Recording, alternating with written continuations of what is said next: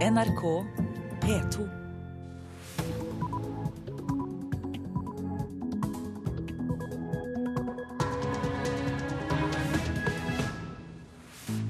Riktig god mandagsmorgen. Klokken den er 6.30. Dette er Nyhetsmorgen.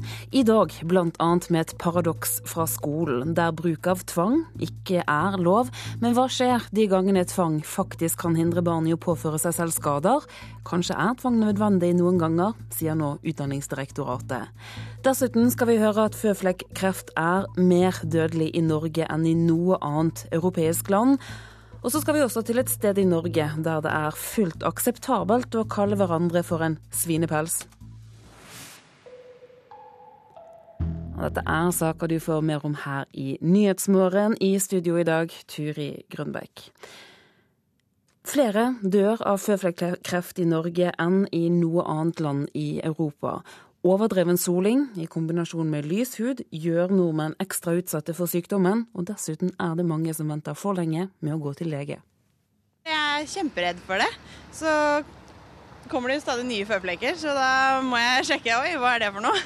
Det er noen år siden det var sånn at den irriterte, og da hadde jeg hørt at da skulle man ta den bort. Det er de her små brune pigmentflekkene på huden vår. Angripes de av kreftceller, kan det medføre død hvis det ikke oppdages raskt. I Norge dør en større del av de som rammes av denne krefttypen enn i noe annet land i Europa. Overlege ved Rikshospitalet Ingrid Roscher synes det er en trist rekord. Jeg ser eh, daglig i min praksis at eh, menneskene kommer litt for sent.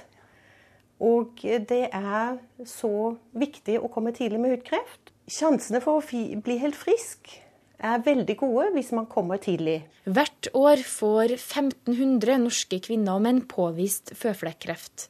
Samtidig tar krefttypen i snitt 300 liv i året.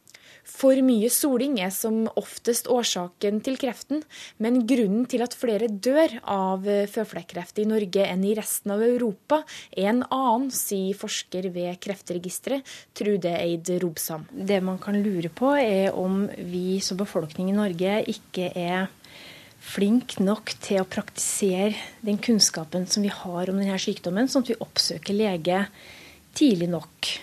I Norge innkalles alle kvinner til undersøkelse for brystkreft og livmorhalskreft, såkalte screeningundersøkelser. Robsam sier det kan være en idé også for føflekkreft, men sier det først må forskes.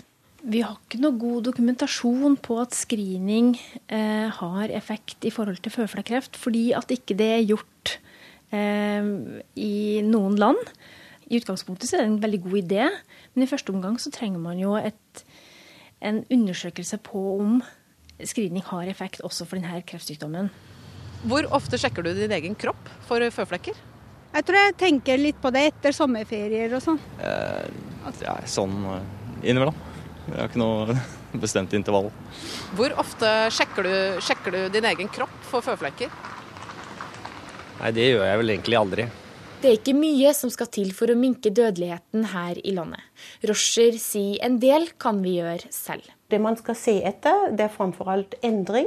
Hvis en føflekk begynner å vokse, blir større, endrer form og farge, eller hvis den begynner å blø, da kan det være et faresignal, og da må man gjøre noe. Da må man bestille time og få denne flekken undersøkt. Reportere her var Kristine Næss Larsen og Marit Gjelland. Av og til er det behov for å bruke tvang i skolen, det mener Utdanningsdirektoratet. Det er per i dag ikke lov å bruke fysisk makt i skolen. Ni år gamle Markus er psykisk utviklingshemmet og måtte slutte på skolen etter tre år fordi det ikke er lov å bruke utstyret som hindrer ham i å skade seg selv.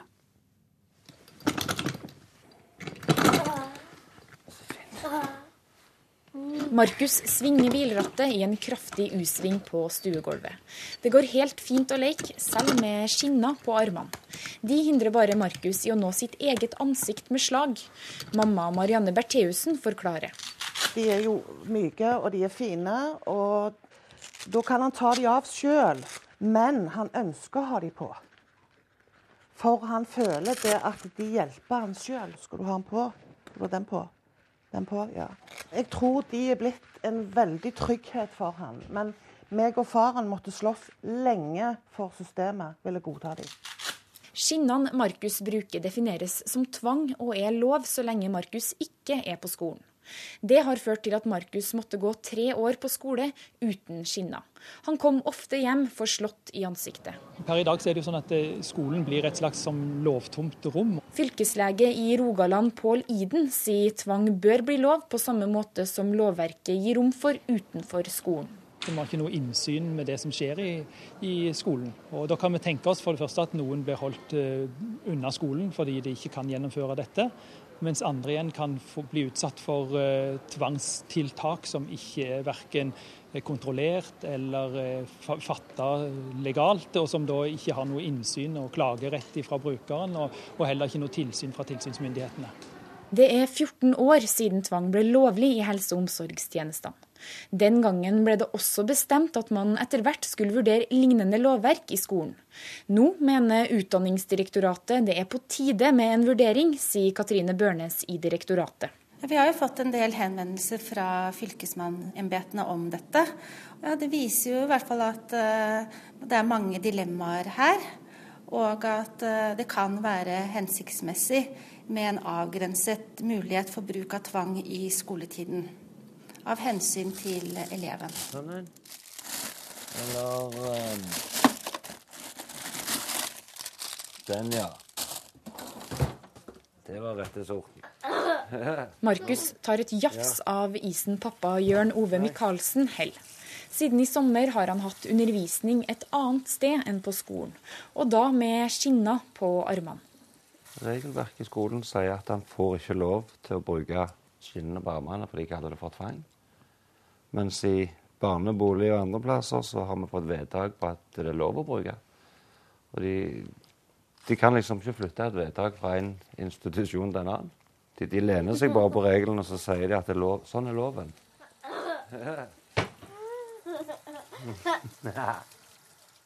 Og til slutt hørte vi pappa Jan Ove Michaelsen. Reportere var Anders Sveen og Marit Gjelland. Kari Evensen, du er utdanningsdirektør hos Fylkesmannen i Vestfold. Hvordan kan det ha seg at denne gutten vi hører om, ikke får bruke utstyr som hindrer ham fra å skade seg selv på skolen? Ja, Det er eh, det samme som Utdanningsdirektoratet nevnte, og som far til gutten også nevnte, at i opplæringsloven så finnes det ikke en hjemmel for bruk av tvang. Det er som Paul Eden også sa, det er et lovtomt område. Et lovtomt område, men hvordan er lovverket her? Opplæringsloven inneholder ikke noen som helst paragraf som tillater tvang eller makt. Så hvis det skal utføres noen form for tvang eller makt i skolen, så må det være ut fra det vi kaller nødrett eller nødvergerett. Men det er veldig strengt og skal bare ytes i ytterst få eksempler.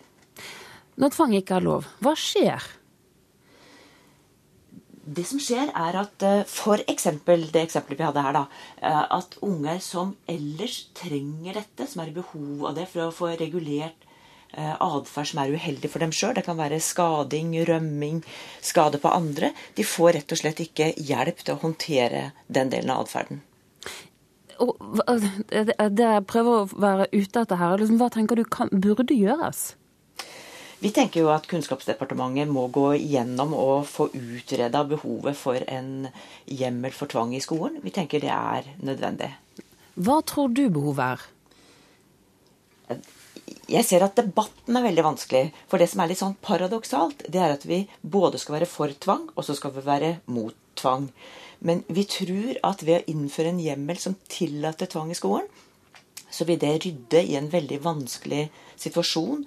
Og eh, det er en nødvendig debatt som må komme. Hvor, hvorfor er denne debatten så vanskelig å ta? Jeg tror kanskje det er flere årsaker til det. Eh, jeg tror politikere f.eks. er redd for å komme i banale diskusjoner om selvfølgeligheter. Eller de er også eh, de vanskelige prinsipielle diskusjonene om bruk av makt, som vi jo egentlig og eh, stort sett hele tida skal være imot. Men så er det visse unntak. Men hva kan disse banale diskusjonene plutselig være et eksempel på? Ja, det kan være eh, at voksne sier at ja, men vi må jo holde barn, vi må jo hindre dem i å skade seg. vi må jo, altså Alle de må-tinga vi voksne er vant til å tenke at barn trenger. Og så er det noen glidende overganger. Og fra de banale tinga som vi tenker at voksne har lov til, til hva vi ikke skal tillate i det hele tatt. De glidende overgangene er vanskelig. Vi hører Utdanningsdirektoratet her. Det er jo relativt tydelig å si at tvang av og til bør være lov i skolen. Hva mener du? Ja, jeg mener at tvang av og til bør være lov i skolen, jeg også. Hvor, hvor så det for deg at vi kommer til å Nå har dette kommet opp, det har blitt en liten debatt. Hvor, tror, hvor tror du veien går videre nå? Det som har vært bakgrunnen for at vi hos Fylkesmannen i Vestfold har henvendt oss til departementet, det er at vi ønsker at denne debatten skal tas, og at det bør utredes og skaffes faglige eh, argumenter for og imot hvorvidt en bruk av tvang skal være tillatt i skolen. Så at det, en rett og slett går inn i disse faglige vurderingene. Vi må si takk for at du var med oss her i Nyhetsmorgen, Kari Evensen, som er utdanningsdirektør hos Fylkesmannen i Vestfold. Flere bussjåfører i Grønland i Telemark har fått delskiftordninger med lange pauser midt på dagen etter at busstilbudet ble utvidet i januar. Målet med ruteendringene var å gi et bedre tilbud og få flere til å ta bussen, men det går på bekostning av arbeidsmiljøet til sjåførene. Mange sjåfører parkerer bussen midt på dagen. Pausene varer opp mot fem timer, men de får ikke lønn kun en kompensasjon tilsvarende en fjerdedel av lønna. Kari Folkvord er tillitsvalgt for sjåførene i Nettbuss Sør. Nei, de liker jo ikke dette. Det er, det er liksom du går i uniformen ti-tolv timer hver dag. Får ikke gjort noe spesielt da. NRK har snakket med sjåfører som forteller om skift som starter klokka kvart over seks om morgenen, og som strekker seg til kvart på seks om ettermiddagen. Flere sier de har fått ny jobb eller vil slutte pga. dette. Etter ruteomleggingen i januar har enda flere sjåfører fått lange pauser midt på dagen, forteller Folkvord. Eh, nå har vi kjørt hvert kvarter eh, hele dagen i, i noen år, og da, da, gikk det busser. Men nå har de flytta produksjonen, sånn at vi kjører mindre busser midt på dagen. Og så kjører vi oftere buss i rushtrafikken på morgenen og ettermiddagen. Og så kjører vi flere busser igjen på kvelden. De har jo intensivert eh, produksjonen til da det er mest reisende. Det er et politisk mål å få flere til å ta bussen, og det er politikerne på fylkestinget som har lagt premissene for satsingen. Leder i Samferdselsutvalget i Telemark, Sigbjørn Molvik, er enig i at det er et paradoks at det går utover arbeidsmiljøet til sjåførene. Jo, det er det. Eh, og, derfor så må vi sikre oss når vi skal lage nye anbudspapirer, tegne nye kontrakter for eh, perioden fra 2016 og utover. Kunne du tenke deg andre arbeidstakergrupper som ville finne seg i å jobbe tre timer, ha seks timer pause og så jobbe tre timer igjen? Nei, jeg ser jo at det selvfølgelig er en utfordring. Eh, og, det, det må, må jo da stilles krav til at dette skal ordnes på en bedre måte. Og, og så vil det selvfølgelig da være opp til, til busselskapene å sørge for at det blir gjort. Ole Engebrett Moe Haugen er administrerende direktør i Nettbuss.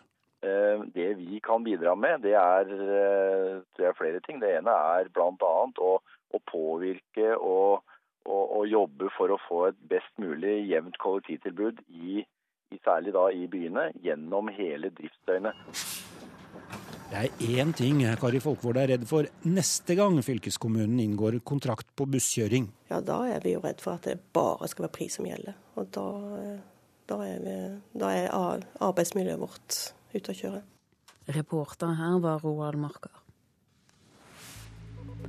Tiden er inne for å se nærmere på dagens avisforsider, og det er mange spekulasjoner rundt Jens Stoltenberg og Nato-toppjobben. Aftenposten går lengst i dag. De slår mer eller mindre fast at Stoltenberg blir ny generalsekretær, og du får også høre mer fra Aftenposten litt senere her i Nyhetsmorgen. Strømnettet forfaller. Samtidig tar norske kommuner 90% av overskuddene i kraftselskapene de eier. Det mener Energi Norge, og dette er toppsaken i Dagens Næringsliv. Biltrafikken må bremses kraftig. Selv om det kommer mange nye elbiler på veiene, så hjelper det ikke. Det er biltrafikken som må ned. Det er hovedsaken i Dagsavisen. Utdanningsdirektoratet kommer med advarsler om private skoler. Flere private skoler ber søkere oppgi helseopplysninger. og Det er nå frykt for at dette kan bidra til å sile ut svake elever, noe som er stikk i strid med loven. Det står det på forsiden av Klassekampen. Nasjonen slår opp at det kan bli dyrere kraftfôr og mer soyaimport i landbruket. Årsaken er at landbruksministeren nå ser seg nødt til å godta EU-restriksjoner for dyrefôr. Mange misjonærer kjenner ikke til straffene for homofili i en del afrikanske land. Det viser en gjennomgang i Vårt Land. Misjonsorganisasjonene vet heller ikke hva menighetene de støtter mener om homofili. Dyre medisiner er hovedoppslaget i VG. De slår opp en historie om en muskelsyk mann som får medisiner for over fire millioner kroner i året. Aftenbladet slår opp at Statoil-sjefen har fått 200 mer i lønn på ti år tenner og tannregulering er avbildet på forsiden av Adresseavisen. Én av tre ungdommer får regulering, men bransjen avgjør pris og behandling selv. Millionærer på tannregulering er eh, overskriften. Og så, på forsiden av Dagbladet, der er det et bilde av den russiske presidenten med overskriften 'Derfor bør vi frykte nådeløse Putin'.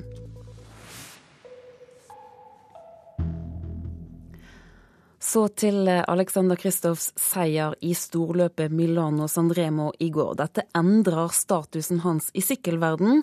Han kommer til å få mer respekt, gode forhandlingskort ved ny kontrakt og økonomiske fordeler. I dag så er jeg nok slepper, men eh, det kommer flere løp, så det gjelder jo å holde alle moment i gang og gjøre det bra videre. Han ser framover og ikke bakover, Alexander Kristoff akkurat som i spurten i Sanremo. Skjønte nesten ikke da jeg passerte mål. Hva, jeg tenkte liksom, hva gjorde jeg nå? jo, det Kristoff gjorde, var å spurtslå sprintere som Cavendish og Sagan, og vinne et av verdens mest prestisjetunge sykkelritt. Det føltes nesten det var i en drøm, for jeg drømte om at jeg vant dette løpet for noen dager siden. Men, eh, men eh, da var det sol og fint vær, så jeg skjønte at eh, det var jeg frøs såpass mye at jeg skjønte at det var ekte. Han har to sesonger igjen av kontrakten i Katusha. Så klart, jeg må jo prestere videre. Men jeg kommer i hvert fall ikke gå ned i lønn, selv om jeg gjør det dårlig nå i resten av året. Det økonomiske kommer ut sannsynligvis til å se veldig bra ut. Og det er ikke bare lønna som kan bli bedre. Alle vet hvem Kristoff er etter en slik seier. Da endrer dynamikken i et sykkelfelt seg for Kristoff klart. Eh, det blir lagt merke til. og Jeg er jo for så vidt kjent det før, men noen nå blir jo hvert fall ikke mindre kjent av å vinne en seier. og det er en sånn seier som er, og Det kommer nok til å få litt mer respekt, og folk kommer til å kikke ned på meg. Men eh, jeg vil si det er mest, mer positivt enn negativt. og, og så klart Alle har fått med seg dette her, så det, det, det er utrolig stort.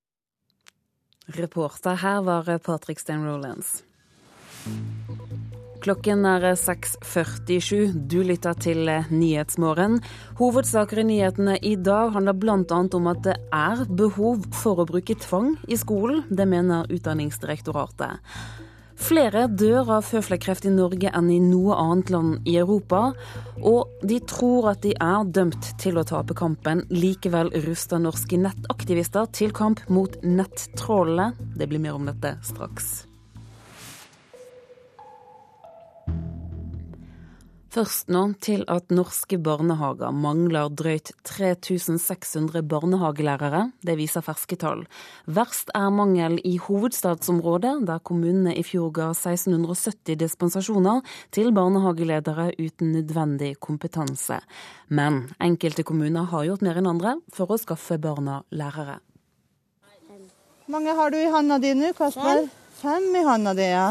Men vi har fremdeles noe med 70, tror. Tror du det? Med pinner, kongler og en fjellknaus som bor, har barna i Heer barnehage matteundervisning i skogen.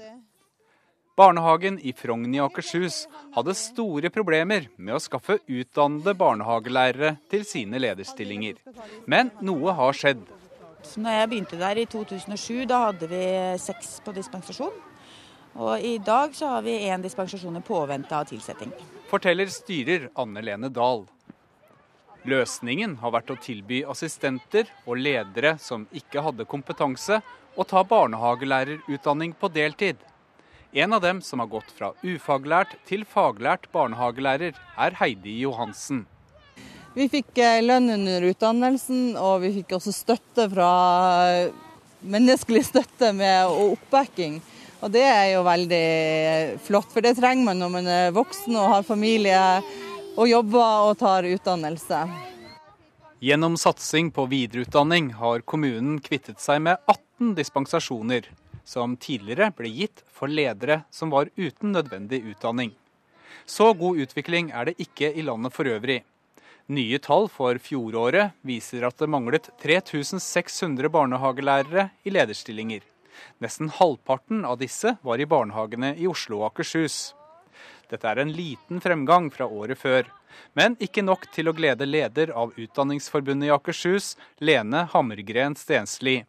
Ja, nei, Vi syns dette er altfor mye. Og vi syns det er trist at ikke det har gått mer ned. Og vi syns det er eh, beklagelig at barn i barnehagen ikke får en utdanna person som kan legge til rette for lek og læring og samhandling til barnas beste. Det er mange som går glipp av det nå. Men hva tenker du om det Frogn har gjort? Nei, Det Frogn har gjort med, med deltidsutdanning for fagarbeidere, syns jeg er veldig bra positivt tiltak. Men det krever jo at eh, kommunene samarbeider, og også private aktører samarbeider med høyskolemiljø for å få til sånn, dette i stort omfang. Kan dere vise meg en pinne som er høy og en som er lav? Tilbake i kommunen med de gode tallene får barna glede av at avdelingssjefen har tatt barnehagelærerutdanning. Jeg har jo mye mer kunnskap nå om eh, hvordan unger lærer. F.eks. i matematikken, eh, å forstå det at eh, sammenligning er matematikk og før eh, matematisk forståelse, også for barn. Og eh, at det faktisk eh, barn helt ned på ett år lærer matematikk i barnehagen. Det er jo fantastisk, egentlig. Ja, det sa Heidi Johansen til reporter Dag Åsdal. Kampen mot hatefulle ytringer på nettet er så godt som umulig å vinne, mener doktorgradsstipendiat Karoline Ilebekk. Likevel starter en gruppe norske nettaktivister nå arbeidet mot trusler og hets i kommentarfeltene. Da får du bare stoppe meg eh, hvis du ser noe som kan være ja, Hvis du går på samfunn og et eller annet sånn Midtøsten og sånn, der er det sikkert noe Politikk, norsk. Ja. Eller kanskje innvandring, rasisme og flerkultur. Der finner vi nok noe. Jøder lem, skjønnslemlester muslimske gutter. Det er jo tydeligvis en navnet på en tråd her. Eirik Riise er 27 år. Han sitter ved PC-en sammen med 22 år gamle Kari Hurum og jakter på netthat og fordomsfulle ytringer. Han er nettaktivist. Hun vil gjerne bli det. Jeg syns eh, at det er skummelt at siden internett eh, når ut til så utrolig mange mennesker, og alle kan sitte på internett og lese det som står der, så syns jeg det er skummelt at det nå er i ferd med å bli litt sånn, bli litt sånn stuerent og OK å være rasistisk og fordomsfull på mange kommentarfelter og på internett generelt. Stopp hatprat er den norske grenen av Europarådets kampanje The No Hate Speech Movement. Siden den startet for ett år siden, finnes den nå i 40 europeiske land. Utover våren akter leder Eirik Riise å rekruttere flere aktivister til aksjoner mot norske netthatere. Istedenfor å si hvordan du ikke vil ha det, og begynne å fokusere på hvordan vil vi ha internett. Hva, hva trenger vi å gjøre for å, for å, skape et inkluderende internett og en nettkultur som tar vare på menneskeverd og, og menneskerettigheter. Eh, det tror jeg hele samfunnet tjener på. Netthat er et stort problem, men det er vanskelig å si om det er mer eller mindre av det enn før, sier medieforsker Caroline Ilebekk. I en ny doktorgrad tar hun for seg ytringer på nettet og medienes kontroll. Det er klart at eh, all form for netthat er et problem. Noen ønsker bare å trolle og ødelegge debatter og bidrar med hat på den måten fordi man vet at det provoserer. Ilebekk støtter nettaktivistene, men påpeker at kampen ikke er vunnet en gang for alle. Men det er viktig å tenke på at det er veldig krevende å delta i nettdebatten og møte netthat. Eh, det er ikke noe som kan bare gjøres med et skippertak, det er eh, noe som er et kontinuerlig arbeid. Eirik Riise er klar over at det blir mye hardt arbeid framover, men han vet også at det betaler seg. I Finland har kampanjen takket være statlig millionstøtte nå to fast ansatte som på ett år har rekruttert 70 engasjerte aktivister. Vi kan ikke la være å, å jobbe med problemene bare fordi, fordi, det er vanskelig. Det, det ville vært en utrolig da tror jeg samfunnet ville gått under hvis ingen jobbet eh, med problemene i samfunnet. Reporter her var eh, Tone Staude. Skjellsord er noe som blir verdsatt stort på Toten i Oppland. Der er det fullstendig akseptabelt å kalle hverandre for svinepels eller en surveduppe, og Tore Løvdahl har enda flere skjellsord på lager. Møkfrans, møksab, suggersam, bustete, sluskete, suggersom, grisete møkksekk. Kjært barn har som kjent mange navn. På Toten er det derimot dem som ikke blir holdt fullt så kjært som får gjennomgå. Tore Lauvdal har samla inn skjellsord fra både gamle og unge i distriktet, og han merker godt generasjonsforskjellen. Altså, jeg tror så er det grådig mange blant eldre som, eh, som har mange sånne skikkelig saftige ord, og en del yngre òg. Men altså, det som er interessant med de yngre, da, er at de tar noe av ordet fra engelsk f.eks. Og, og gjør det til sånne skjellsord. En av grunnene til at Lauvdal har samla inn skjellsord, er at de sier mye om dialektbruken i Norge. Han underviser på Lena videregående skole og ba elevene nevne sine mest brukte skjellsord. Resultatet ble noe annerledes enn ordene han fikk fra de eldre. Horungen, dritt og en bitch. Bitch er jo veldig mye brukt. En bitch. Ja. Det er ikke pent. Drittsekk, hurpe, megge, hespetre, kjerring, rasshøl er mye brukt.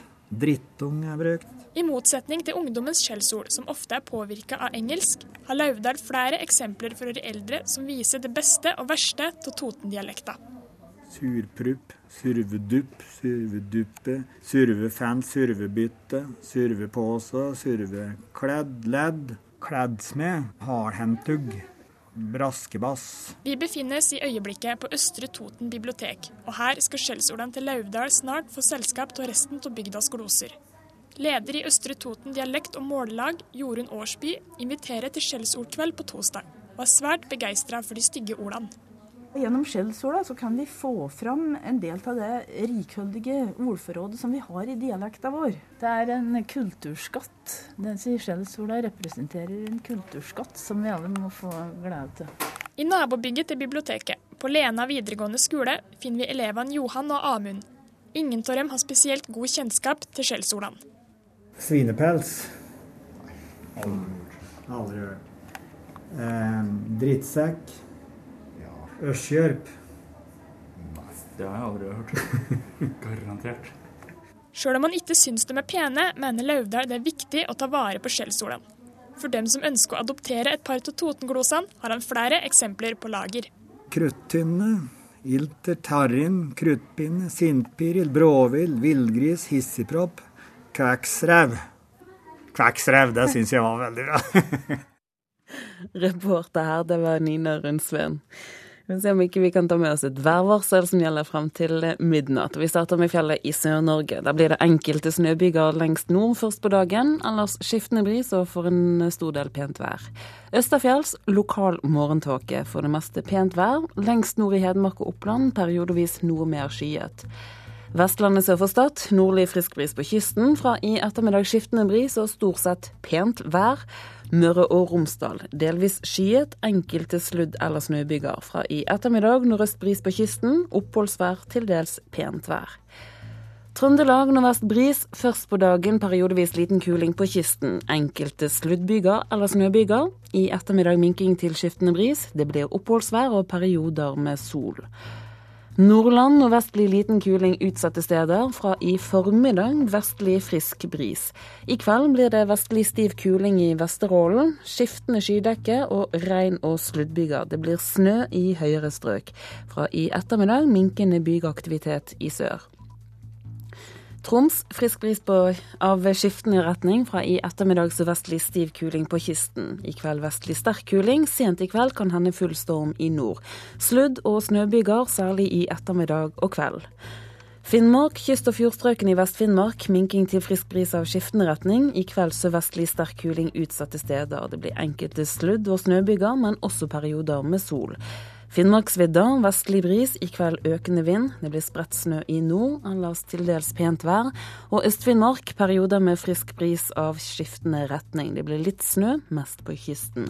Og Nordsjøland på Spitsbergen får nordvestlig frisk bris og enkelte snøbyger. Og så var det temperaturene. De er målt klokken fire i natt. Da var det minus 13 grader på Svalbard. Kirkenes minus 3, null i Vardø. Alta minus 3, Tromsø minus 1 pluss én i Bodø. Brønnøysund pluss fire grader. Trondheim tre grader. Molde fire. Bergen én grad. To grader i Stavanger. Kristiansand minus to. Gardermoen null grader. Og minus to, minus to grader der det var, var det på Lillehammer, Røros og også i Oslo. NRK P2. Russiske styrker prøver å ta over en ny marinebase på Krim.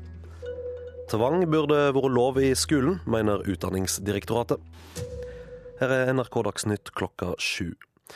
Russiske styrker prøver i morgentimene å innta marinebasen Feodosia øst på Krimhalvøya. Det stadfester en militær talsmann i Ukraina. Feodosia er en av de siste militære basene på Krim som fremdeles er under ukrainsk kontroll.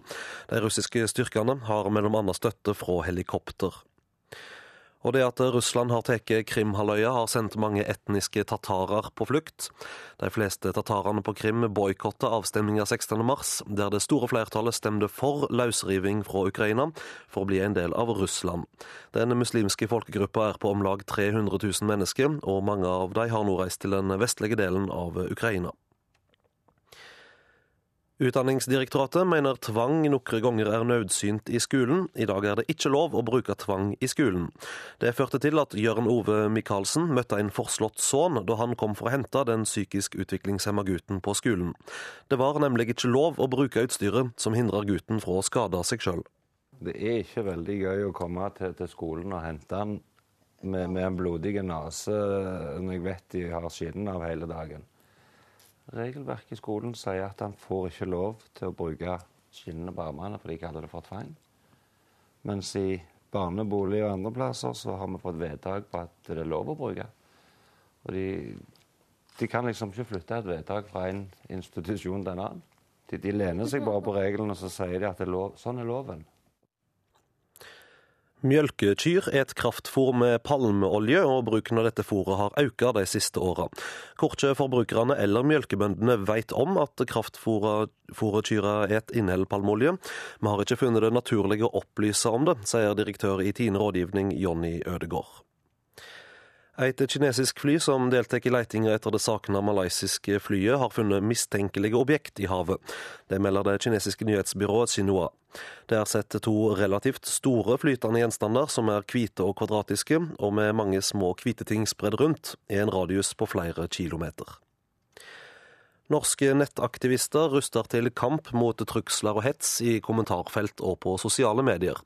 Kampen mot hatefulle ytringer på internett er så godt som umulig å vinne. Det mener doktorgradsstipendiat Karoline Ilebekk. Det er klart at eh, all form for netthat er et problem.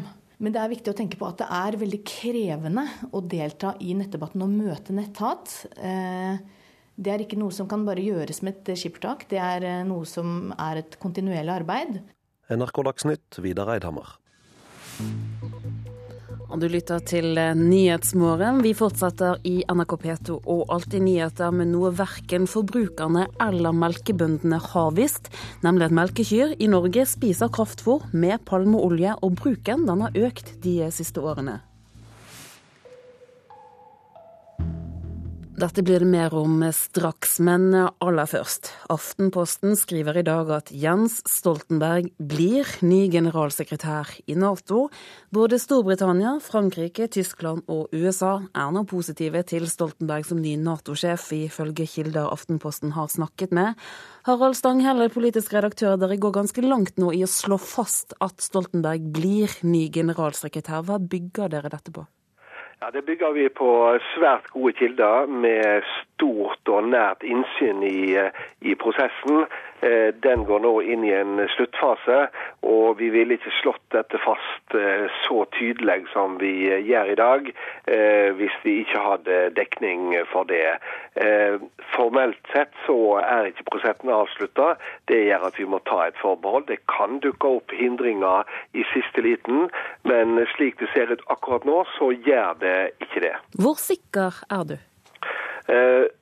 Vi er så sikre som eh, vi skriver i Aftenposten i dag, nemlig at Jens Stoltenberg eh, blir generalsekretær i Nato, med mindre eh, det dukker opp noe helt nytt nå i sluttfasen. Og slik det ser ut for de som kjenner dette på innsida i Nato, så er det ingen grunn til å tro det. Men hva f.eks. kunne det vært noe sånn som dukker opp i sluttfasen? Det kan være at et av medlemslandene har sterke innvendinger mot akkurat Jens Stoltenberg. Vi så en slik situasjon for seks år siden med Anders Fogh Rasmussen, da Tyrkia i siste liten protesterte mot hans eh, kandidatur og måtte nærmest tvinges av de viktigste maktene i Nato til å godta han. Det gjorde til dømes at utnevninga av han måtte, eh, den formelle aksepten av han måtte utsettes fast. Slike ting kan skje, men ifølge våre kilder, og det stemmer med det inntrykket eh, vi som har jobba med dette har, så er Stoltenbergs kandidatur ikke et veldig omstridt kandidatur i eh, Nato. Og så har han støtte, høres det ut som, både fra Storbritannia, Frankrike, Tyskland og USA. Hvor viktig er dette? Ja, Det er klart det er veldig viktig fordi at det er de fire viktigste maktene. Men eh, som vi etter hvert eh, vet nå, så mye som det har vært sagt og skrevet om dette, så må alle medlemslandene i Nato være samde i eh, hvem som skal verte ny generalsekretær. Men det er klart at når de viktigste maktene går inn for eh, den tidligere norske statsministeren, eh, ja, så skal du ha sterke argumenter for å være den som legger deg på tvers. Harald Stanghelle, politisk redaktør i Aftenposten, takk skal du ha. Så får vi se da om når og hvis og hvem det blir. Nå til norske melkekyr som spiser kraftfôr med palmeolje, og bruken av den har økt de siste årene. Men verken forbrukerne eller melkebøndene er informert om at kraftfôret inneholder palmeolje, vi har ikke funnet det naturlig å opplyse om at kyrne får i seg palmeolje, sier Tine. I Tines reklamer beiter kyrne i vakre omgivelser. Men ikke alt kua spiser er fra norsk natur. Bruken av kraftfôr er stadig økende, og en viktig ingrediens i fôret er palmitinsyre som utvinnes av palmeolje fra bl.a. Malaysia. Det er et uh, dilemma når kua da trenger noe vegetabilsk fett, åssen uh, en skal få det. Sier Jonny Ødegård, direktør i Tine rådgivning. På Tines hjemmesider står det at palmeolje er ikke bærekraftig, og at palmeolje vil være fjernet fra alle Tines produkter i løpet av 2013. At kyrne spiser palmeolje, er det ingen informasjon om. Jeg har ikke sett det som viktig informasjon. Men i og med at dere skryter veldig på siden deres at dere har sluttet å bruke palmeolje i produkter, burde dere ikke nå også opplyse om at, bruker, at det blir brukt palmeolje i fôret? Ja, Kua får i seg veldig mye uh, forskjellig. Jeg tror det kunne bli en ganske lang deklarasjonsliste hvis vi skulle deklarere alt uh, kua spiser. Og Der det særlig foregår, er, er altså her i, på Borneo og Sumatra, ja, også Malaysia. Altså, Leder i Regnskogfondet Dag Hareide viser hvor ødeleggelsene av regnskogen er størst grunnet palmeoljeplantasjer. Jeg ser ikke noen grunn til at man skal ha palmeolje i kraftfôr. Hvorfor skal man det?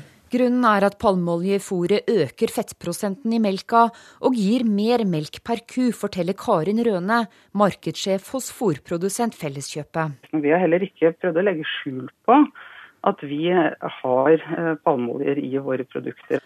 Når var det dere begynte å bruke palmeolje i fôrproduktene? Og det er en praksis som vi har hatt over lang tid. Hvor mye av palmeolje er i de ulike fòrblandingene som går til kyrne? Det er mellom 0,5 og opp i 3,5% vil kunne inngå i de vegetabilske fettene vi bruker. At fôret inneholder palmeolje har ikke vært allment kjent i landbruket, sier leder i Småbrukarlaget Merete Furuberg. Vi er jo i utgangspunktet av den holdningen at vi skal ha norskprodusert fôr. Og alt skal være så miljøvennlig og dyrevennlig, og ikke minst helsomt for mennesker. Så det er jo klart vi da reagerer. Vi overvåker veldig nøye innholdet i våre produkter, og vi ser ingen endringer i innholdet i mjølka. Uavhengig av, av det fôret kua spiser, så tror jeg vi kan garantere at norsk mjølk er både sunn og, og ikke minst god fortsatt. Reporter her, Line Tomta. Dag Hareide, du er generalsekretær i Regnskogfondet. Hva har dere visst om bruken av palmeolje i landbruket? Vi har visst at uh, palmeolje har vært brukt i kraftfôr. Uh, et land som England f.eks. så var det en undersøkelse som viste 20% men vi vet dessverre ikke så mye om hva som har skjedd i, i Norge. Men vi vet nå at det er økende. Hva synes du om det? Jeg syns det er et uh, rart. Altså, Tine var en av de første i vår kampanje for å fjerne og redusere palmeolje i mat til å liksom si hei, vi gjorde det, ikke sant. Og nå har vi altså fjernet to tredjedeler av palmeoljen i, i, i matvarer i norske kolonialhandlere. Og nettopp så fikk vi en flott, eh, god avtale med Orkla, etter å ha jobbet mye med dem, om at de skulle jobbe for også at den lille delen av palmeoljen som var igjen, skulle være sporbar og, og, bærekraftig. Så i matvarene så går utviklingen i riktig retning? Ja. Og så ser det ut som de da skal pushe det inn i kraftfôret, slik at det tyter ut i melken og i melkebarten til uh, Marit Bjørgen og Therese Johaug. Og det tror jeg ikke folk liker. Men, men, hva er egentlig problemet i det? At det blandes litt palmeolje i kraftfôret? Problemet er at eh, palmeoljebruken øker sterkt. Den har fordoblet seg siden år 2000. Og i Indonesia og Malaysia, hvor eh, regnskogen ødelegges raskere enn noe annet sted på kloden, der er det hovedårsaken til at regnskogen ødelegges. Det er det, det som er vår grunn til å gå imot dette. Jeg var på Sumatra i Indonesia i forrige uke, og der brant brant skogen så sterkt at skoler ble stengt og, og, og fly måtte, stoppe, eh, måtte stå på bakken. Fordi man drev og brant ny regnskog for å plante nye plantasjer, bl.a. med palmeolje. Men det plantes vel også ny skog? Nei, men altså, dette regnskogen, altså regnskog, den har vært der i 50 millioner år. Og den har utvidet et mangfold. Altså 50-80% av alle dyre- og plantearter fins i den lille området som er regnskog. Brenner du det, så ødelegger du uerstattelige ting. Du forteller om uh, spesifikke områder, men problemene rundt palmeolje, er det et problem uansett hvor oljen kommer fra? Ja, Det varierer litt. Altså Det vi ber om, er punkt én reduser palmeolje. For vi tåler ikke dette trøkket, for det ødelegger mer og mer. Punkt to den palmeoljen du skal bruke, skal være sporebar, som vi sier. Vi skal vite hvor den kommer fra. Og når vi vet hvor den kommer fra, så kan vi bestemme om den er bærekraftig eh, dyrket. Det er mulig. Altså, så vi er ikke imot palmeolje selv. Det er noen som er imot av helseårsaker, men det er ikke vårt fagfelt. Norge er, hvordan, altså Disse nyhetene vi hører fra, fra Tine nå, kraftfôr og bruk av palmeolje der, hvordan henger det sammen? Altså, Norge er jo også en eh, viktig forkjemper eh, når det handler om å bevare regnskogen. Ja, nei, dette, altså Vi er jo faktisk det landet som gir mest penger i verden til bevaring av regnskog. Og vi har ikke vært så verst når det gjelder å ta f.eks. ikke å bruke tropisk tømmer. Her er vi en av de beste i Europa. Eh, men her er det altså akkurat som man skal snike det inn litt bakveien, fordi det er ikke så viktig. Jeg, jeg tenker at norske bønder og norske melkedrikkere, jeg er en av dem, ikke ønsker dette.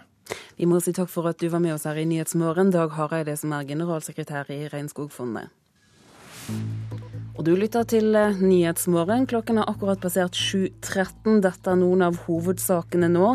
Som vi hører, verken bønder eller forbrukere har visst at kraftfôret til kyrne er tilsatt palmeolje. Det er eh, heftige spekulasjoner rundt Jens Stoltenberg og Nato. Han har gode muligheter til å bli generalsekretær, sier redaktør. Og atomterrorisme er på agendaen på toppmøtet i Haag i dag. Det blir mer om dette straks. Tyrkia skjøt i går ned et syrisk jagerfly. Tyrkia hevder flyet var i tyrkisk luftrom da det ble skutt ned. Syria benekter dette og kaller det en aggresjon. Sigurd Falkenberg Mikkelsen, vår Midtøsten-korrespondent, har det nå blitt noe klarere hvor dette flyet var da det ble skutt ned? Det er fortsatt eh, påstand mot eh, påstand. De første eh, kildene og de første den første informasjonen som kom ut, uh, sa at det var i syrisk luftrom. At i hvert fall at det ramlet ned i syrisk uh, luftrom. Men Tyrkias statsminister Tayyip Erdogan var i går i kjent stil veldig tydelig. han sa at deres F-16-fly hadde tatt av da et syrisk, da syriske jagerfly hadde krysset deres luftrom og skutt det ned, og at de ville slå hardt tilbake på enhver krenkelse av tyrkisk eh, luftrom. Den tyrkiske militæret sier også at de hadde sendt fire advarsler til syriske jagerfly som eh, nærmet seg tyrkisk luftrom. Eh, syrerne benekter jo dette og kaller det en åpen aggresjon. Men det som skjer er at det er harde kamper i den eneste grenseposten som det syriske regimet fortsatt kontrollerer til Tyrkia. En grensepost som heter Kasab, hvor opprørerne har satt i gang en stor offensiv. og Disse kampene tett opp mot grensen gjør at det er vanskelig å vite akkurat hva som har foregått. Men er det nå fare for økt konflikt mellom Tyrkia og det syriske regimet? Ja, Det er en, et, eh, et, veldig stort konfliktpotensial her. og Vi så hvordan eh, Erdogan eh, snudde fra å være en alliert av Assad til å bli hans mest uttalte motstander ganske raskt etter at demonstrasjonene mot Assad begynte i 2011. Nå har dette blitt mye mer komplisert for Tyrkia siden da, og de vil jo ikke gå inn militært her. Men den type grensehendelser som dette kan det bli flere av etter hvert som krigen fortsetter. og Syrerne mener jo også at uh, tyrkerne har skutt med artilleri inn uh, på deres territorium. Så dette er en, uh, en, uklar og farlig situasjon i disse grenseområdene. Denne hendelsen, hva sier den om faren for at krigen sprer seg til resten av regionen? Vi ser det veldig tydelig denne uka at jo lenger krigen i Syria varer, jo farligere er det for hele Midtøsten. Vi har sett dette med det syriske jagerflyet Tyrkia. Eh, Libanon har det vært eh, harde kamper i eh, byen Tripoli nord i landet hele uka, hvor 27 mennesker er drept. Alt dette knyttet til krigen i Syria. Det var kamper i Beirut sør for hovedstaden i helgen, hvor ett menneske ble drept. Og så så vi det også på Golanhøyden, hvor det har vært veibomber mot israelske soldater. Og israelerne svarte jo med et uh, luftangrep eh, inne i Syria. Så jo lenger krigen varer, jo farligere, er dette for hele Midtøsten. Sigurd Falkenberg Mikkelsen, takk for at uh, du var med oss. I natt observerte et kinesisk fly noe som kan være vrakrester fra det forsvunne Malaysia Airlines-flyet. USA sender dessuten spesialutstyr som kan brukes til å søke etter svarte bokser fra fly. Søkeutstyret kan oppdage signaler helt ned på 6100 meters dyp. Tallet på omkomne stiger etter jordskredet i USA. Redningsmannskapene har funnet åtte omkomne. 18 personer er fortsatt savnet. Ofrene var beboere i området der en rekke hus og biler er begravet i leirmassene. Eh, hundrevis av demonstranter stormet natt til i dag regjeringsbygninger på Taiwan. Bakgrunnen for protesten er misnøye med en handelsavtale regjeringen i Taipei har inngått med Beijing. I morges brukte opprørspolitiet vannkanoner for å jage bort demonstrantene. Og russiske styrker tok i dag i morgentimene kontroll over en marinebase på Krim. Militæranlegget var et av de få som Ukraina fortsatt hadde kontroll over.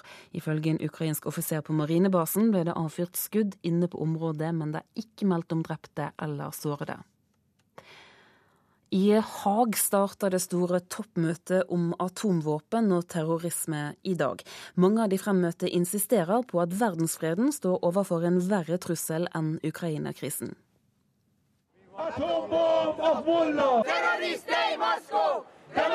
Mange av demonstrantene er iranske, og atomterrorisme er hovedtemaet når en i dag samler i alt 58 av verdens toppledere fra 53 land og regioner til møte i Haag.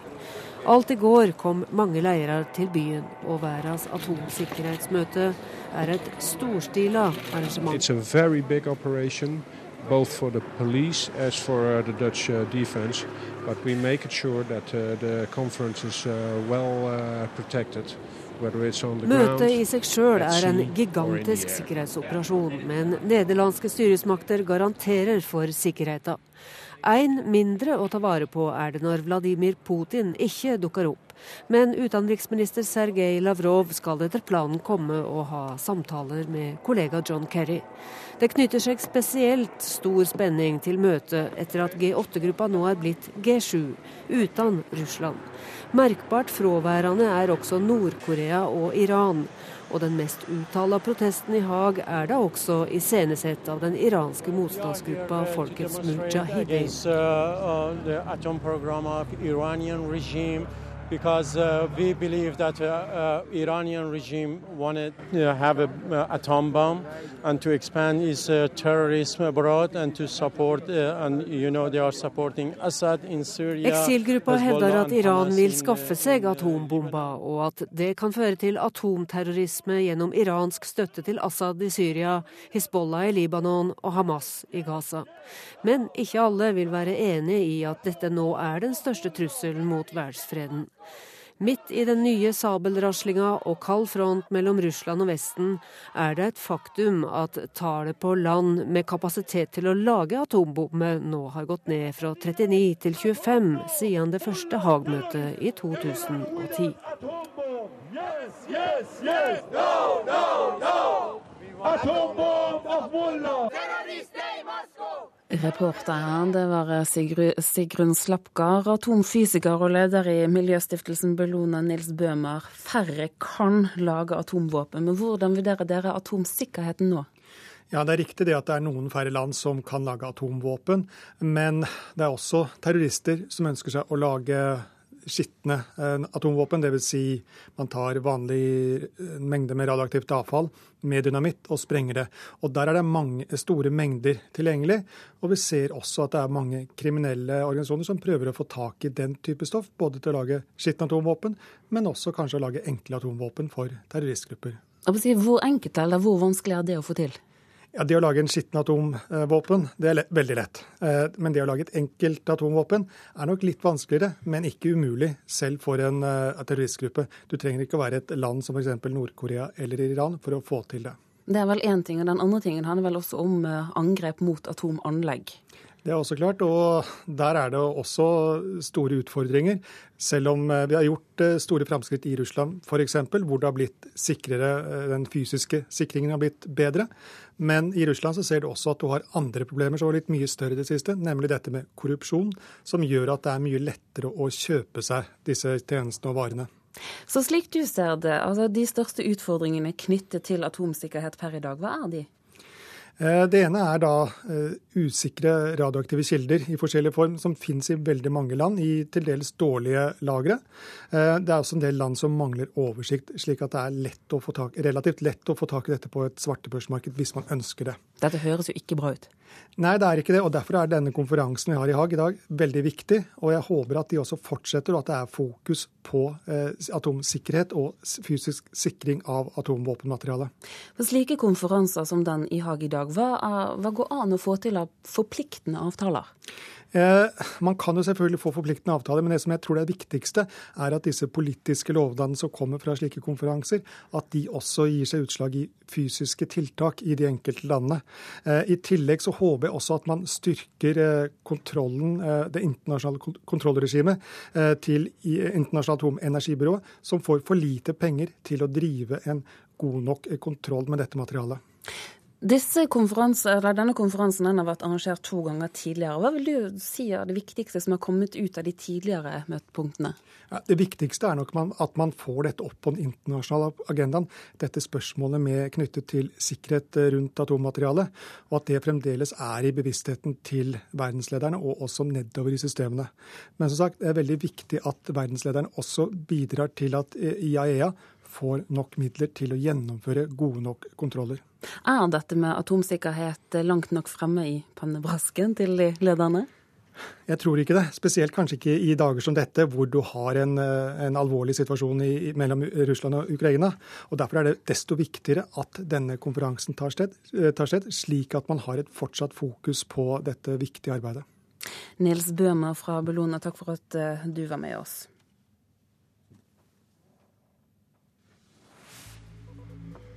Vi skal se på dagens avisforside, vi. Og det er, som vi hørte litt tidligere i Nyhetsmorgen, spekulasjoner rundt Jens Stoltenberg, og om det er slik at han blir ny generalsekretær i Nato.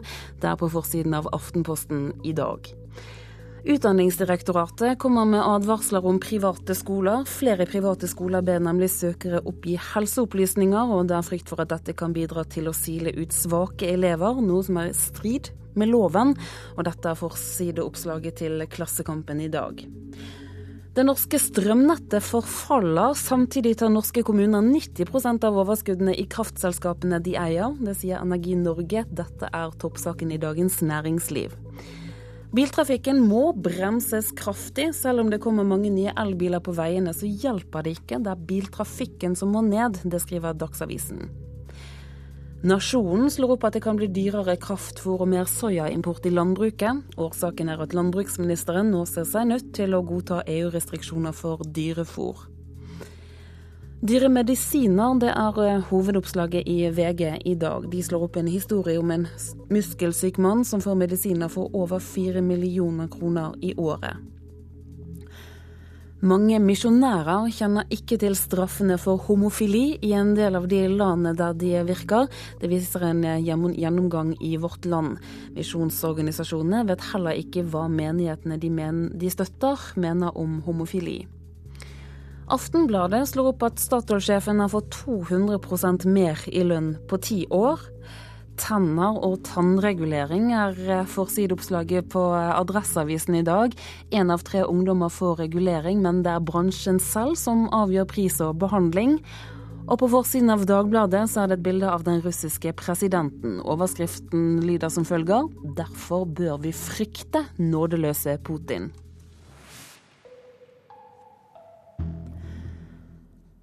Over 70% av alle selvmord blir begått av menn. Hans Inge Hasse Rønningen, tidligere trommis i rockebandet Plumbo, slet med alvorlige tvangslidelser og angst. Jeg kunne vært død om jeg ikke hadde fått hjelp, sier han. Nei, jeg har vært stått med kniven, jeg. Et par ganger.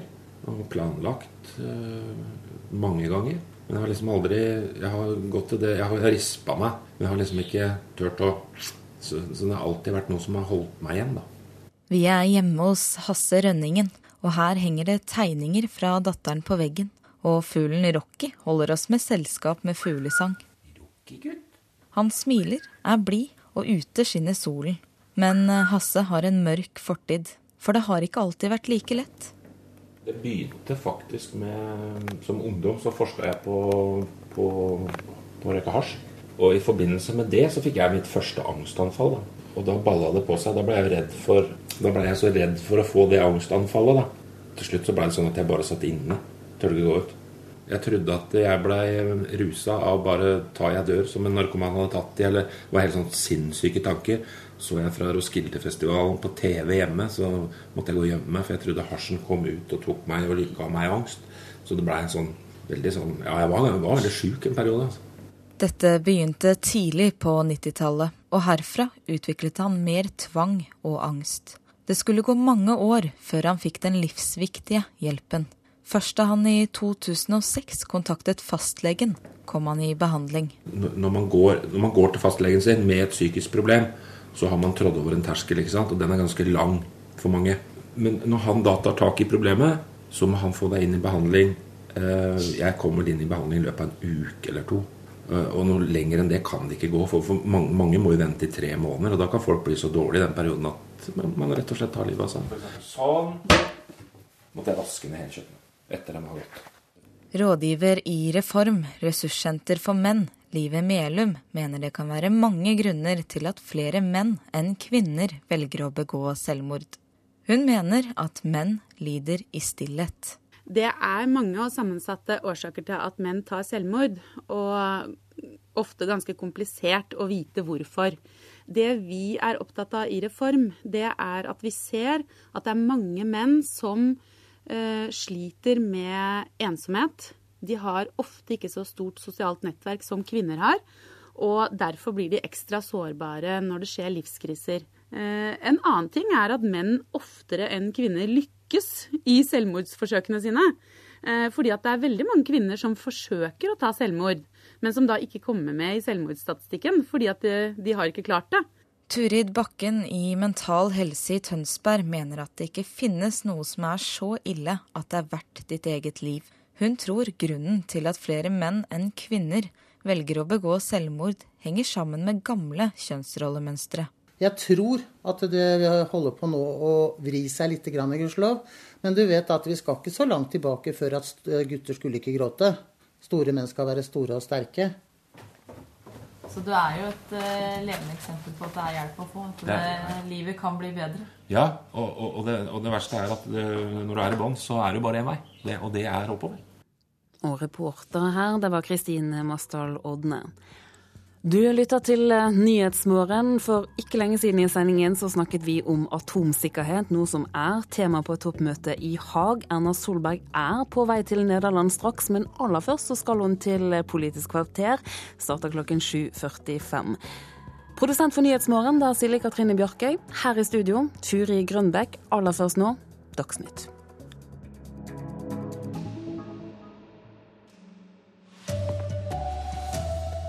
Melkekyr blir fôra med palmeolje. Ikke naturlig å opplyse om, mener Tine. Flere dør av føflekkreft i Norge enn i noe annet land i Europa. Og det bør være lov å bruke tvang i skolen, mener Utdanningsdirektoratet. Her er NRK Dagsnytt klokka 7.30. Melkekyr er et kraftfôr med palmeolje, og bruken har økt de siste åra. Korkje forbrukerne eller melkebøndene er informert om at kraftfôr inneholder palmeolje. Vi har ikke funnet det naturlig å opplyse om det, sier Tine. I Tines reklamer beiter kyrne i vakre omgivelser. Men ikke alt kua spiser er fra norsk natur. Bruken av kraftfôr er stadig økende. Og en viktig ingrediens i fôret er palmitinsyre, som utvinnes av palmeolje fra bl.a. Malaysia. Det er et uh, dilemma når kua da trenger noe vegetabilsk fett, åssen uh, en skal få det. Sier Jonny Ødegård, direktør i Tine rådgivning. På Tines hjemmesider står det at palmeolje er ikke bærekraftig, og at palmeolje vil være fjernet fra alle Tines produkter i løpet av 2013. At kyrne spiser palmeolje, er det ingen informasjon om. Jeg har ikke sett det som uh, viktig informasjon. Og Der det særlig foregår, er, er altså her i, på Borneo og Sumatra. Ja, også Malaysia. Altså, Leder i Regnskogfondet Dag Hareide viser hvor ødeleggelsene av regnskogen er størst grunnet palmeoljeplantasjer. Jeg ser ikke noen grunn til at man skal ha palmeolje i kraftfôr. Hvorfor skal man det? Grunnen er at palmeolje i fôret øker fettprosenten i melka og gir mer melk per ku, forteller Karin Røne, markedssjef hos fôrprodusent Felleskjøpet. Vi har heller ikke prøvd å legge skjul på at vi har eh, palmeoljer i våre produkter. At fôret inneholder palmeolje har ikke vært allment kjent i landbruket, sier leder i Småbrukarlaget Merete Furuberg. Eh, jeg personlig har ikke vært klar over det. Vi må for all del slutte å bruke palmeolje. Reporter Line Tomter. Aftenposten skriver i dag at Jens Stoltenberg blir ny generalsekretær i Nato. Flere land er positive til Stoltenberg som ny Nato-sjef, ifølge kilder avisa har snakka med. Og politisk reporter Jarle Roheim Haakonsen, du er med oss fra toppmøtet i Haag. Det er mange som skal være med å avgjøre dette, er samla i dag. Og hva er det som tyder på at Jens Stoltenberg blir ny generalsekretær? Det er mye som tyder på det. Kanskje det viktigste nå er at alle andre kandidater som kunne tenke seg den jobben, de skygger banen. Ingen land lanserer nye kandidater. Alle ser hvor sterk favoritt eh, Stoltenberg er. Men dette er ikke bestemt. Det er ikke endelig avgjort. Men prosessen er nå i høy fart, og den har, Stoltenberg-kampanjen har en så stor tyngde at som sagt, alle andre land er forsiktige med å tippe noe annet enn at det blir Stoltenberg som får jobben. Ja, Mange har trukket seg, sier du, men hvem har vært de største konkurrentene? Ja, altså Polens eh, utenriksminister Sikorski, Italias utenriksminister Fratini og også da EU-kommisjonens president Barroso har vært nevnt, men ingen av de har fått uh, høy fart fordi uh, Obama og Stoltenberg har altså vært et team som har vært ganske sterkt her. Nå kommer Obama hit til Haag om noen timer, og han vil etter det vi vet prøve å fortsette denne valgkampen for Stoltenberg for å få det fort unna. Motkreftene sier det er da ikke så hast, det er ikke før i september vi skal ha ny Nato-sjef, og kanskje vi skal se hvordan det går med andre jobber eh, først. Og det er altså Den eh, effekten som USA frykter. De vil ikke ha noen reserveperson i Nato, og vil altså ha eh, tyngde og kraft på dette fortsatt. Men dette er altså fortsatt en sak som ikke er endelig avgjort, men det går den veien. Takk skal du ha, Jarle Roheim Haakonsen. Ikke i noe annet land i Europa dør det flere av føflekkreft enn i Norge. For mye soling i kombinasjon med lys hud gjør at mange nordmenn er ekstra utsatte for sykdommen. I tillegg venter mange for lenge med å gå til lege. Overlege ved Rikshospitalet, Ingrid Roscher, tykker det er trist. Jeg ser eh, daglig i min praksis at eh, menneskene kommer litt for sent. Og det er så viktig å komme tidlig med hudkreft. Sjansene for å bli helt frisk er veldig gode hvis man kommer tidlig. Hvert år får 1500 norske kvinner og menn påvist føflekkreft. Samtidig tar krefttypen i snitt 300 liv i året. For mye soling er som oftest årsaken til kreften, men grunnen til at flere dør av føflekkreft i Norge enn i resten av Europa, er en annen, sier forsker ved Kreftregisteret, Trude Eid Robsam. Det man kan lure på, er om vi som befolkning i Norge ikke er flink nok til å praktisere den kunnskapen som vi har om denne sykdommen, sånn at vi oppsøker lege tidlig nok. Jeg tror jeg tenker litt på det etter sommerferier og sånn. Hvor ofte sjekker du, sjekker du din egen kropp for føflekker? Nei, det gjør jeg vel egentlig aldri. Det er ikke mye som skal til for å minke dødeligheten her i landet. Roscher sier en del kan vi gjøre selv. Det man skal se etter, det er framfor alt endring. Hvis en føflekk begynner å vokse, blir større, endrer form og farge, eller hvis den begynner å blø, da kan det være et faresignal, og da må man gjøre noe. Da må man bestille time og få denne flekken undersøkt. Reportere Kristine Næss Larsen og Marit Gjelland. Et kinesisk fly som deltar i leitinga etter det savna malaysiske flyet, har funnet objekt i havet. Det dreier seg om to større hvite objekt og mange små i ett område. Samtidig setter USA inn spesialutstyr i jakta på den svarte boksen til flyet. Utstyret kan oppdage signal helt ned til 6100 meters dypne. Hvis den blir brukt eh, i rett område, kan den eh, derfor finne den svarte boksen som inneholder data om eh, flyturen. Russiske styrker tok i morgentimene i dag kontroll over en marinebase i Feodosia på Krim. Militæranlegget var et av de få som ukrainske styresmakter fremdeles hadde kontroll over. Ifølge en ukrainsk offiser på marinebasen ble det skutt inne på området, men det er ikke meldt om drepne eller skadde. Tvang bør i somme høve være lov i skolen, det mener Utdanningsdirektoratet. I dag er tvang ulovlig. Ni år gamle Markus er psykisk utviklingshemma og måtte slutte på skolen etter tre år. Årsaka er at det ikke er lov å bruke utstyret som hindrer han fra å skade seg sjøl. Den, ja. Jørn Ove Michaelsen finner fram is. Det er vanskelig for sønnen fordi han har skinner på armene som hindrer han fra å slå seg selv i hodet. Markus tar et jafs av isen pappa holder fram. Skinnene niåringen bruker defineres som tvang og er lov så lenge han ikke er på skolen. Det har ført til at Markus måtte gå tre år på skole uten skinner, og kom ofte hjem forslått i ansiktet. Per i dag er det jo sånn at eh, skolen blir et slags som lovtomt rom. Fylkeslege i Rogaland Pål Iden mener tvang bør bli lov også i skolen. Vi har ikke noe innsyn med det som skjer i, i, skolen. Og Da kan vi tenke oss for det første at noen blir holdt uh, unna skolen fordi de ikke kan gjennomføre dette, mens andre igjen kan få, bli utsatt for uh, tvangstiltak. Det er 14 år siden tvang ble lovlig i helse- og omsorgstjenestene. Den gangen ble det også bestemt at man etter hvert skulle vurdere lignende lovverk i skolen. Katrine Børnes i Utdanningsdirektoratet mener tida har kommet. Ja, Det viser jo i hvert fall at uh, det er mange dilemmaer her. Og at uh, det kan være hensiktsmessig med en avgrenset mulighet for bruk av tvang i skoletiden. Av hensyn til eleven. Og ni år gamle Markus får i dag undervisning en annen sted enn på skolen, med skjene på armene. Reportere Anders Fehn og Marit Gjelland.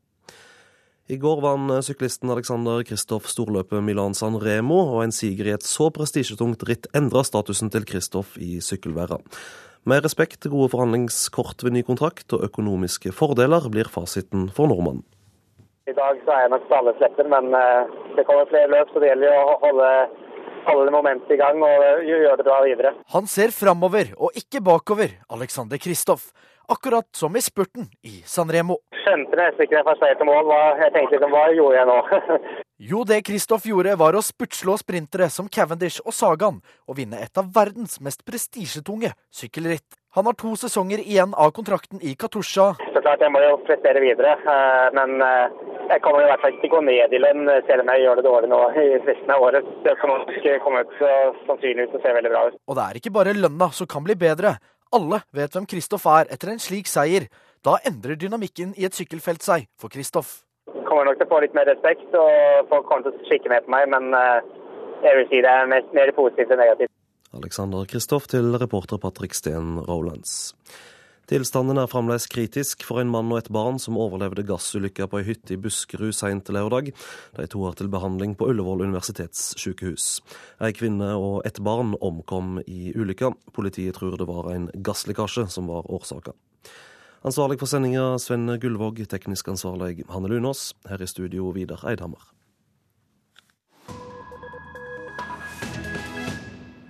Du lytter til Nyhetsmorgen, og i dag er det verdens tuberkulosedag. Mange forbinder denne sykdommen med noe som skjedde i fortiden, men på verdensbasis dør 1,4 millioner mennesker av tuberkulose hvert år. Kun hiv og aids tar flere liv. Utenriksmedarbeider Charlotte Bergløff har vært i byen som nå kalles Vest-Europas tuberkulosehovedstad. Sjåfør George Curley svinger ut i venstre felt og trykker pedalen i bånn, så hans kollegaer radiolog Jane Knight og legen Al Story spretter opp og ned i setene ved siden av ham. På 1950-tallet var busser som denne et kjent syn i Storbritannia. For om bord finner vi et lite legesenter med en røntgenmaskin. Flere titalls busser som denne var på veiene over hele øyriket da den hvite pesten herjet i det forrige århundret. Nå har britene måttet ta bussen i bruk på ny. Um, uh,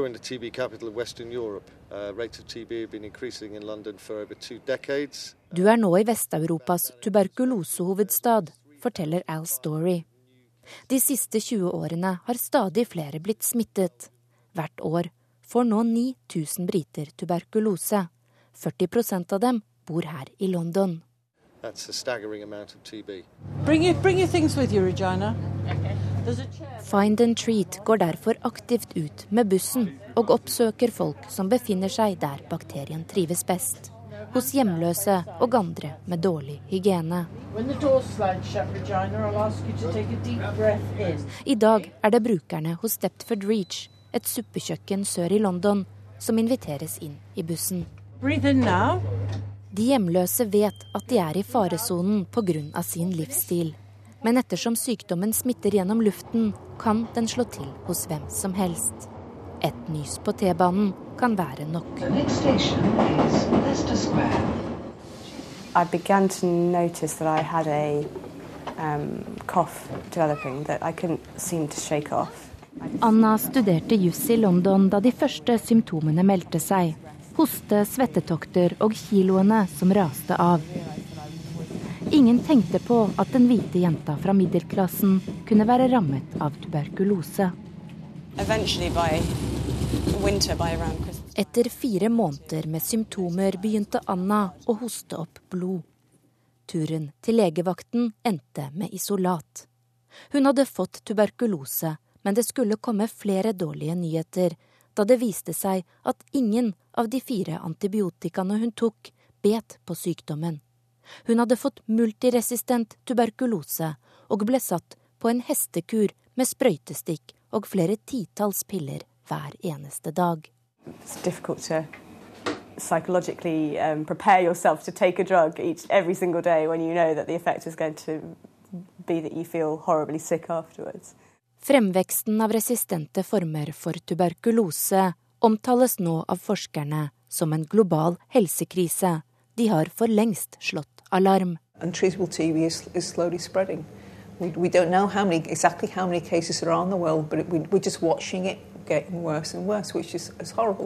Dr. Ruth McNaney mener det kun er et tidsspørsmål før utviklingen er fullstendig ute av kontroll. Det kan føre til at medisinene som gjorde Anna frisk, ikke lenger fungerer. Anna mener man nå må trappe opp innsatsen globalt for å stanse epidemien. Um, um, um, Den kan bare stanses hvis vi får ned antall tilfeller globalt. For befolkningen er blitt så mobil, med folk som meg som reiser til land der tuberkulose er utbredt, og med folk fra disse landene på reise i Europa. Så svaret må være å kontrollere tuberkulose globalt. Og reporter her var Charlotte Bergløf. Du lytter til eh, Nyhetsmorgen. Klokken nærmer seg 7.45. Det betyr at det straks er tid for eh, Politisk kvarter. Minner aller først om hovedsakene denne morgenen. Melkekyr spiser kraftfôr med palmeolje. Bruken har økt de siste årene, uten at verken bønder eller forbrukere har visst om det. USA setter inn spesialutstyr i jakten på den svarte boksen til det forsvunne flyet fra Malaysia Airlines. Føflekkreft er mer dødelig i Norge enn i noe annet europeisk land. Og av og til er det behov for å bruke tvang i skolen, det mener Utdanningsdirektoratet.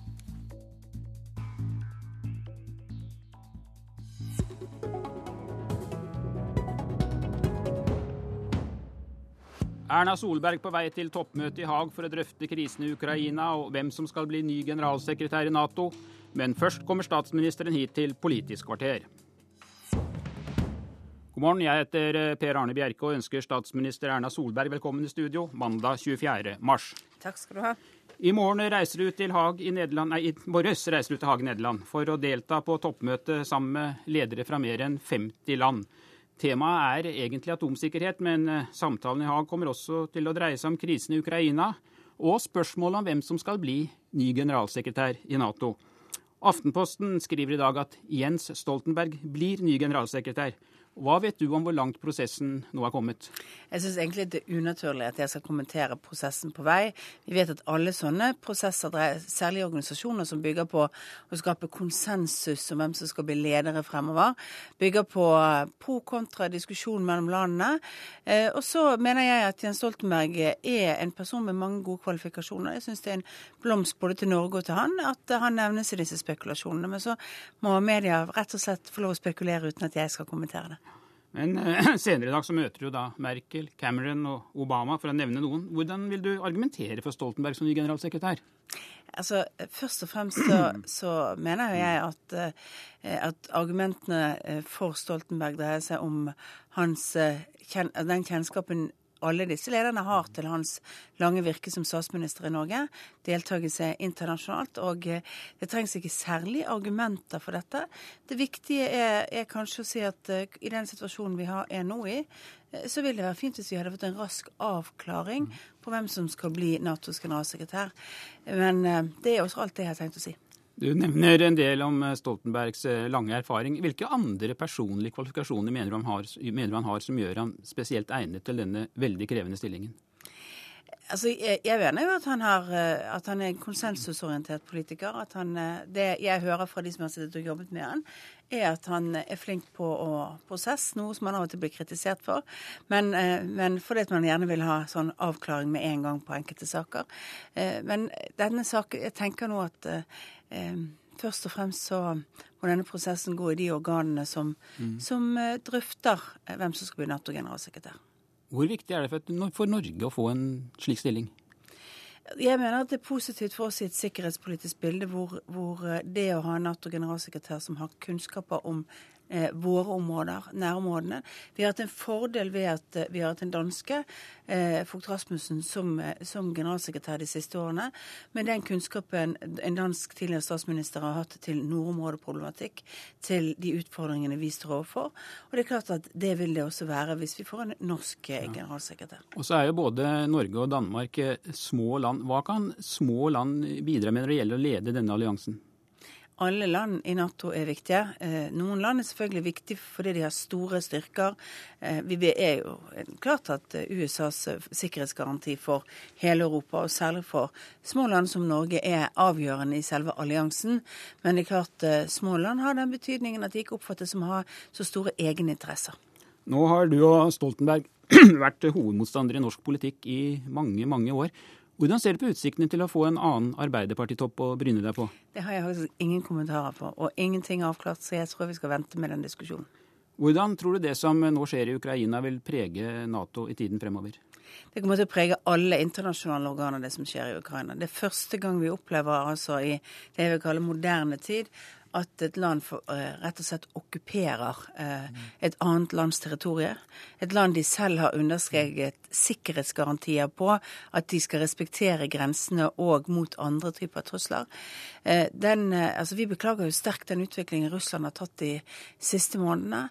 De har en retorikk, de har en nasjonalisme nå som skaper et helt annet sikkerhetspolitisk bilde i Europa. En del av de institusjonene vi har bygget på, en del av de viktige prinsippene som ligger i folkeretten, er rett og slett nå truet av, av den situasjonen vi har. Ja, I morges så hørte vi at Russland har overtatt en marinebase på Krim. I helgen tok Russland et femtitalls ukrainske militære fartøy.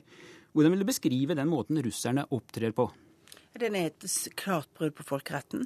De har selv undertegnet og akseptert uh, Ukrainas sine, sine grenser. Uh, de, um, og nå holder de på med en ren annekteringsprosess av, av Krim, hvor de befester alle, alle, de militære posisjonene. Og det er klart Den doktrinen som man kunne lese ut av Putins tale i forrige uke, om at de vil gripe inn ethvert sted hvor russere føler seg Eh, diskriminert eller truet, den gir jo også ja, eh, litt eh, gir jo litt skremmebilde til situasjonen andre steder.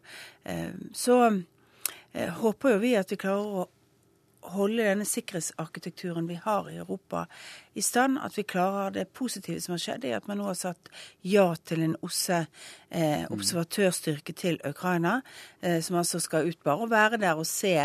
Eh, for vi vet jo at eh, det finnes ikke noen uavhengig eh, begrunnelse for eh, at russerne på Krim f.eks. skulle føle seg diskriminert og være noen grunnlag for den, eh, det russerne har sagt som bakgrunn for at, eh, at de nå har rett og slett satt styrker i land og befestet Krim. Hva gjør dette med forholdet mellom Russland og Vesten, slik du vurderer det?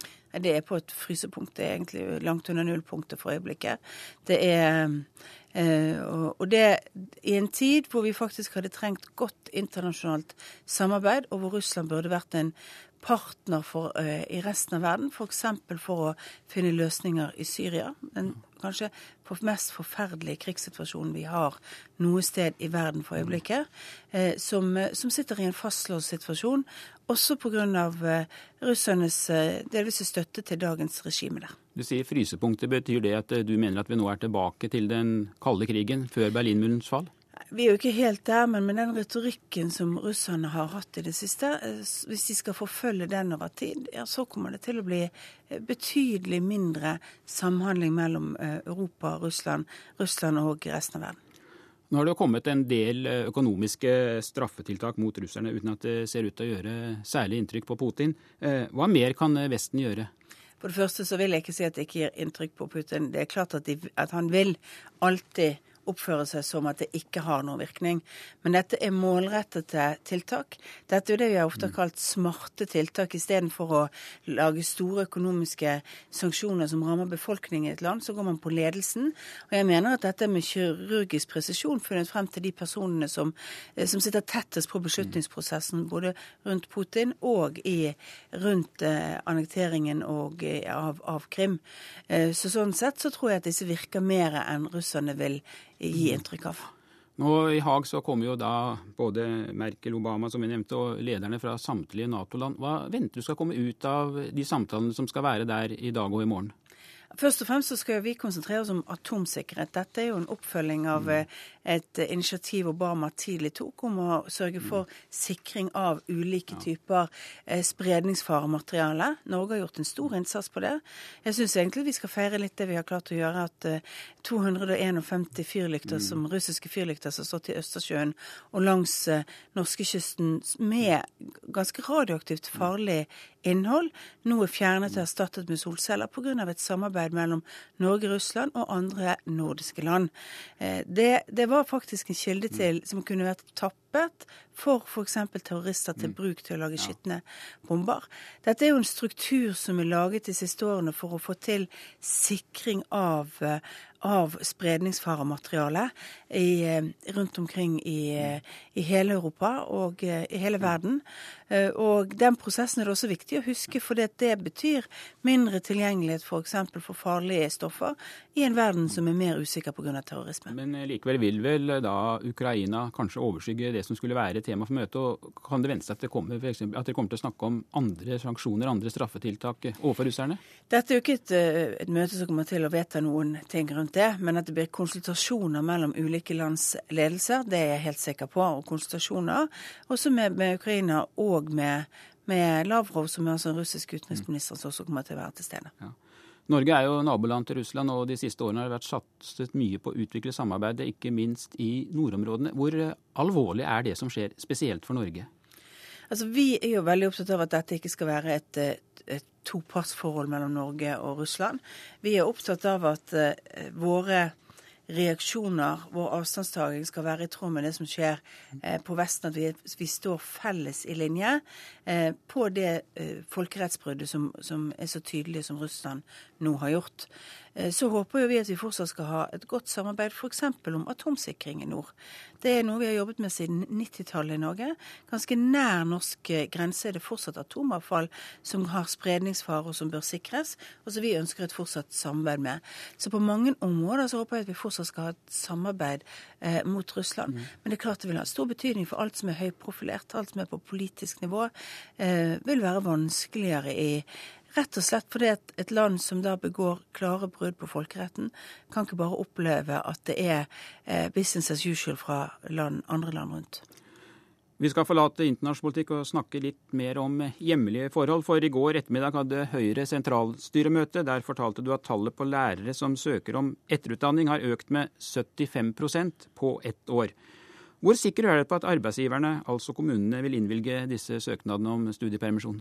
Vi har ikke plasser til alle de som har søkt, eh, men det er jo et voldsomt signal at eh, totalmengden øker med 75% og faktisk på realfag og matte, som var en viktig sak for Høyre i, i valgkampen, og en viktig del av løftet, så, så, har det altså økt med 300% Det er jo eh, det er et klart signal fra norske lærere om at de ønsker seg oppdatering, de ønsker seg et lærerløft. De vil bli bedre på nye undervisningsmetoder i klasserommet. Og da blir jo det en veldig sånn klar forpliktelse forpliktelse både til er eh, på regjeringens side, men også til kommunene, om at av hensyn til våre barn, som skal klare seg i et mye vanskeligere arbeidsmarked, ja, så må vi nå følge opp lærernes ønske om å få mer etter- og videreutdanning. Men eh, hva hvis kommunene ikke har råd, eller simpelthen ikke klarer å skaffe kvalifiserte vikarer til å erstatte dem som skal på etterutdanning? Hvilke tvangsmidler har du i ermet? Eh, altså, Vi har ikke tvangsmidler, for jeg tror jo faktisk at fornuften er stor i norske kommuner. Og ønsket om å løfte sine egne skoler og gi lærerne det tilbudet om etter- og videreutdanning som de ønsker seg, er til stede. Så har vi løftet på, lettet på noen prioriteringer som gjør det enklere i forhold til øremerkede ordninger. Og så har vi jo laget en mye bedre finansieringspakke enn tidligere på dette, sånn at staten tar en større del av regningen. I forrige uke så la Nasjonalt organ, organ, for kvalitet i utdanningen frem en undersøkelse som viser at lærerstudenter jobber mindre med studiene enn alle andre. Hva forteller dette deg om behov for å gjøre noe også med selve lærerutdanningen? Vi er nødt til å gjøre noe med lærerutdanningen. Vi er nødt til å gjøre noe med høyere utdanning generelt, fordi at eh, studenter eh, det er veldig farlig å si det at alle gjør det, for jeg vet jo at det er mange mm. studenter som er pliktoppfyllende, sitter sent på lesesalen og jobber hardt. Inntrykket er iallfall skapt at de jobber mindre enn andre. Ja, ja. Og, og, på, og, og, så dreier dette seg om oppfølging på skolen. Det dreier seg om hvilken, hvordan undervisningen legges opp. Og det betyr at vi må følge kvaliteten på våre lærerutdanningsinstitusjoner, sånn at de har et opplegg som også krever full aktivitet fra studentene, og eh, som eh, utfordrer de Eh, til å, å, delta på en måte som heltidsstudenter. Din regjering har jo lovet at uh, satsing på skolen og lærere blir en av de viktigste sakene. Hvordan skal du klare å øke statusen til uh, læreryrket uten samtidig å gjøre en god del med lønningene? Nå er det snart lønnsoppgjør. Ja, eh, Nå går ikke jeg inn i lønnsoppgjørene. Nei, Men du kan jo si mer generelt. Ja, altså Det vi har sagt at uh, For å løfte statusen, og min ambisjon er jo at uh, i 2030 så skal det å være lærer være et av de mest ønskede yrkene for en 15-åring i Norge. det må vi gjøre mange ting. Det ene er å lage systematisk etter- og videreutdanning. Det andre er å sørge for at vi får femårig lærerutdanning etter hvert. Og at vi sørger for at vi lager det som heter karriereveier i skolen. Det betyr at det, hvis du er en god lærer, eh, så kan du fortsette å likevel ha en både økonomisk og lønnsmessig eh, og statusmessig karriere i skolen uten å måtte flytte deg vekk fra elevene. altfor mye offentlig sektor i Norge sånn at uh, ved å flytte deg vekk fra førstelinjen, om det er elevene i skolen, eller om det er pasientene i sykehusene, mm. eller eh, de eldre i eldreomsorgen, så skal du over og administrere. Så er det en karrierevei som gir en bedre uttelling. Vi er nødt til å få en offentlig sektor som legger mer vekt på det møtet du har med brukeren, der hvor tjenestene faktisk skjer. Nå har jo skolen gjennom mange år vært utsatt for ulike reformer, og likevel snakkes det om store mangler. Hvor trygg er det på at du om fire år kan sitte her og si at ja, vi har fått en bedre skole? Jeg tror jeg om fire år kan si at vi er på vei til å få en bedre skole. Det å endre i skolen, særlig på kvalitet, kommer til å ta tid. Men vi har en systematisk plan. Men vi sitter gjerne i mer enn fire år for å gjennomføre alt. Da skal jeg invitere deg tilbake om tre og et halvt år, så får vi se. I mellomtiden får du forte deg så du rekker flyet til Haag. Takk for at du kom hit, statsminister Erna Solberg. Takk. Det var Politisk kvarter med Per Arne Bjerke. Hør flere podkaster på nrk.no podkast.